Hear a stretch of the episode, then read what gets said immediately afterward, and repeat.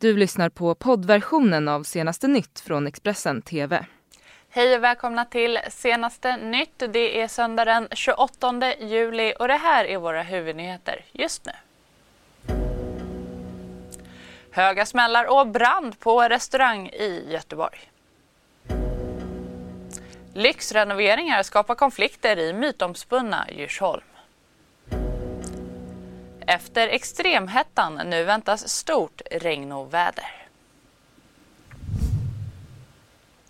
Vi börjar i Göteborg där polisen har fått in flera larm angående höga smällar i Askim söder om staden. Strax efteråt så utbröt en brand i en restaurang. Polisen säger att det är oklart om branden och smällen hänger ihop med varandra. Det var i natt Eh, som en stor smäll hördes över Askim och en boende i området eh, beskriver en av smällarna i ett mejl till Expressen och skriver då citat. Det smällde en bomb av något slag som fick rutorna i mitt hus att skaka. Slut citat. Och samtidigt som smällen så brann det i en restaurang i området men enligt SOS Alarm så har ingen person förts till sjukhus. Ärendet det rubriceras som allmänfarlig ödeläggelse. Nu till Stockholm och mytomspunna Djursholm, samhället bara 20 minuters bilväg från centrala Stockholm.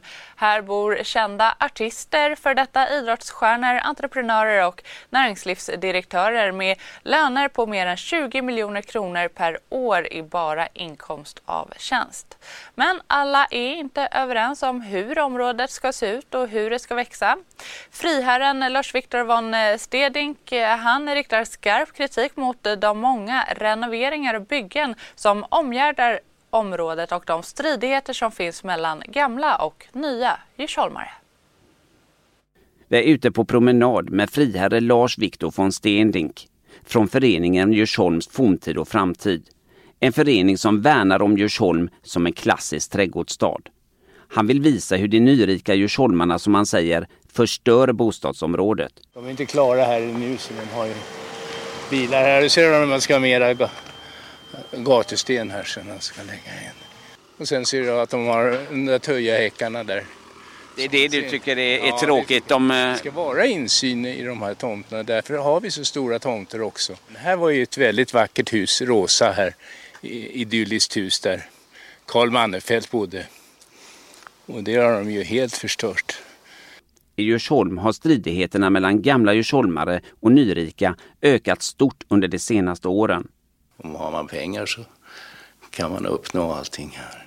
Och han har också egna bittra erfarenheter. De bygger ju om hus. Jag har en granne som har hållit på och byggt om huset i, i sex år med stora maskiner dagligen, sex timmar per dag. Och sen föra oljud, slipljud då från morgon till kväll. Alltså. Under sex års tid. Alltså. Så vi är glada att flytta därifrån.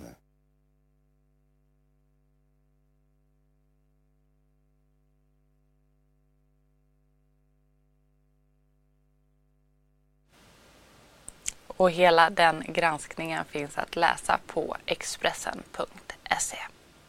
Nu utrikes, eh, trots USAs eh, samtal med Nordkorea om kärnvapennedrustning så bygger diktatorn Kim Jong-Un nya kärnvapen. Satellitbilder visar att eh, Kim Jong-Un kan ha byggt dussintals sedan de två ledarnas möte förra året. Det här rapporterar Wall Street Journal. Kim Jong-Un och Donald Trump har ju träffats tre gånger bara det senaste året. Eh, Nordkoreas ledare vill ju få Donald Trump att lyfta sanktionerna mot landet eh, medan USAs president vill att Nordkorea lämnar över alla sina kärnvapen. Eh, Kim Jong-Un uppges också ha lovat att landet ska nedrusta satsningen. Men trots det här ska Nordkorea nu alltså enligt experter ha byggt 12 nya kärnvapen sedan Trumps besök i landet i juni förra året. Eh, landet har som minst 20 och som mest 60 kärnvapenbomber i beslag. Det här enligt eh, tidningen eh, Wall Street Journal. Så till Hongkong. Demonstrationerna i Hongkong de fortsätter och nya är planerade under söndagen. Och under lördagen så hölls en demonstration i staden Yuanlong efter en gängattack på en tunnelbanestation för en vecka sedan. Det är oklart vilka som ligger bakom attacken men den har väckt starka reaktioner. CNN, vår samarbetskanal, är på plats i Hongkong och eh, reportern reporten Anna Koren har stängts in på en tågstation tillsammans med annan media och protestanter. Här berättar hon om läget.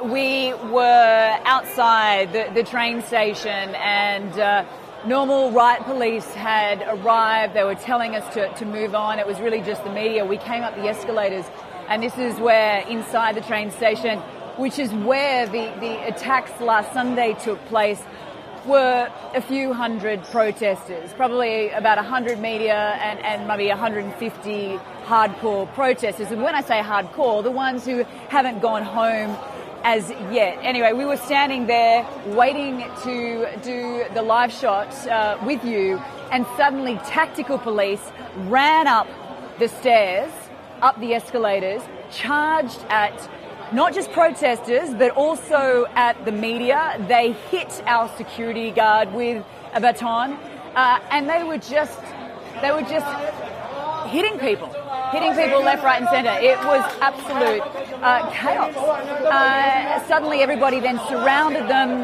uh, and uh, I, I, guess there was this, you know, feeling of, of, like, what are you doing? What, why are you behaving this way? Particularly considering we've been here since three o'clock this afternoon, and things have have, have been uh, quite orderly with the police. You know, they they move in a line, they beat their shields, they come up with the baton, or with the, with the sign, I should say, telling protesters they're going to disperse tear gas. They fire the tear gas, people retreat. But now that they're cornered inside this, this train station, for the tactical police to run up these these elevators and, and just start hitting people. It was it was just absolute pandemonium. It was nothing that that we have ever witnessed before. And Nu har ett militärt Herculesplan satts in i jakten på de misstänkta trippelmördarna i Kanada. Det är en 18-årig och en 19-årig man som misstänks för att ha skjutit ihjäl ett ungt turistpar och en äldre man i British Columbia innan de sedan flytt flera hundra mil i bil. Och det är en stor polisstyrka som jagar männen i vildmarken utanför staden Gillam i Manitoba.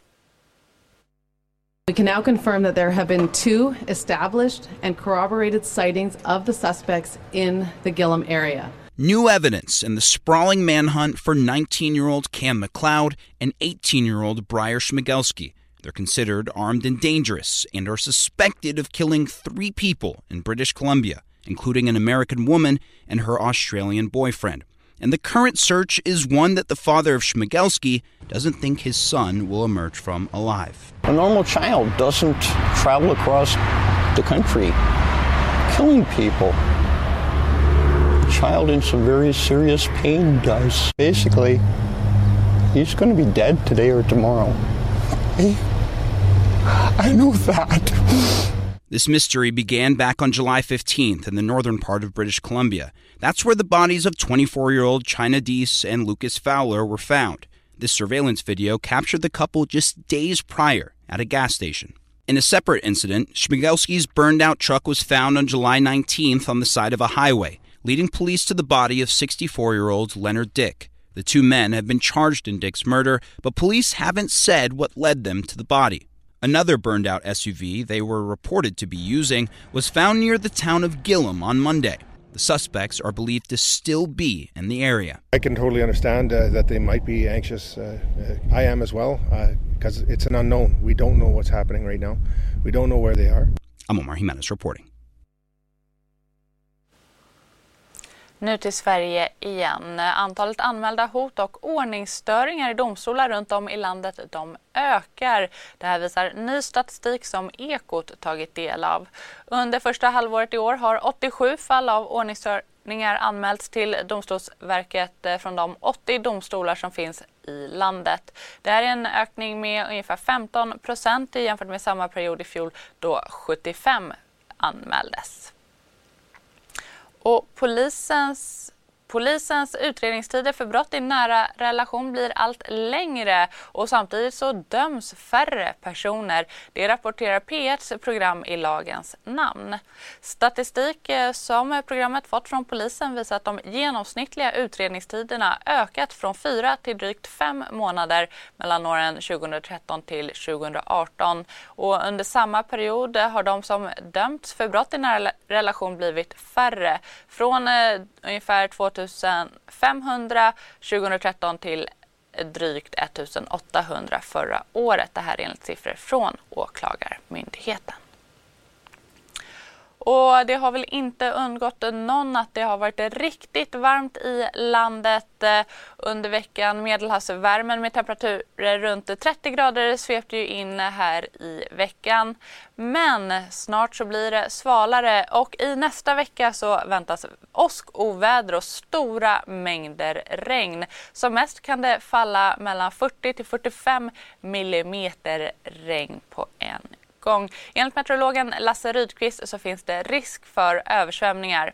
Det här då när en kallfront drar in norrifrån. Det är framförallt då måndag, tisdag som det bli, kan bli rejält oväder. Det var allt från senaste nytt. Mer nyheter finns ju som alltid på Expressen.se. Du har lyssnat på poddversionen av senaste nytt från Expressen TV. Tillförordnad ansvarig utgivare är Klas Granström. Ett poddtips från Podplay. I podden Något Kaiko garanterar östgötarna Brutti och jag, Davva, dig en stor dos skratt. Där följer jag pladask för köttätandet igen. Man är lite som en jävla vampyr. Man har fått lite blodsmak och då måste man ha mer. Udda spaningar, fängslande anekdoter och en och annan arg rant. Jag måste ha mitt kaffe på morgonen för annars är jag ingen trevlig människa. Då är du ingen trevlig människa, punkt. Något Kaiko, hör du på Podplay. Därför är gardinerna.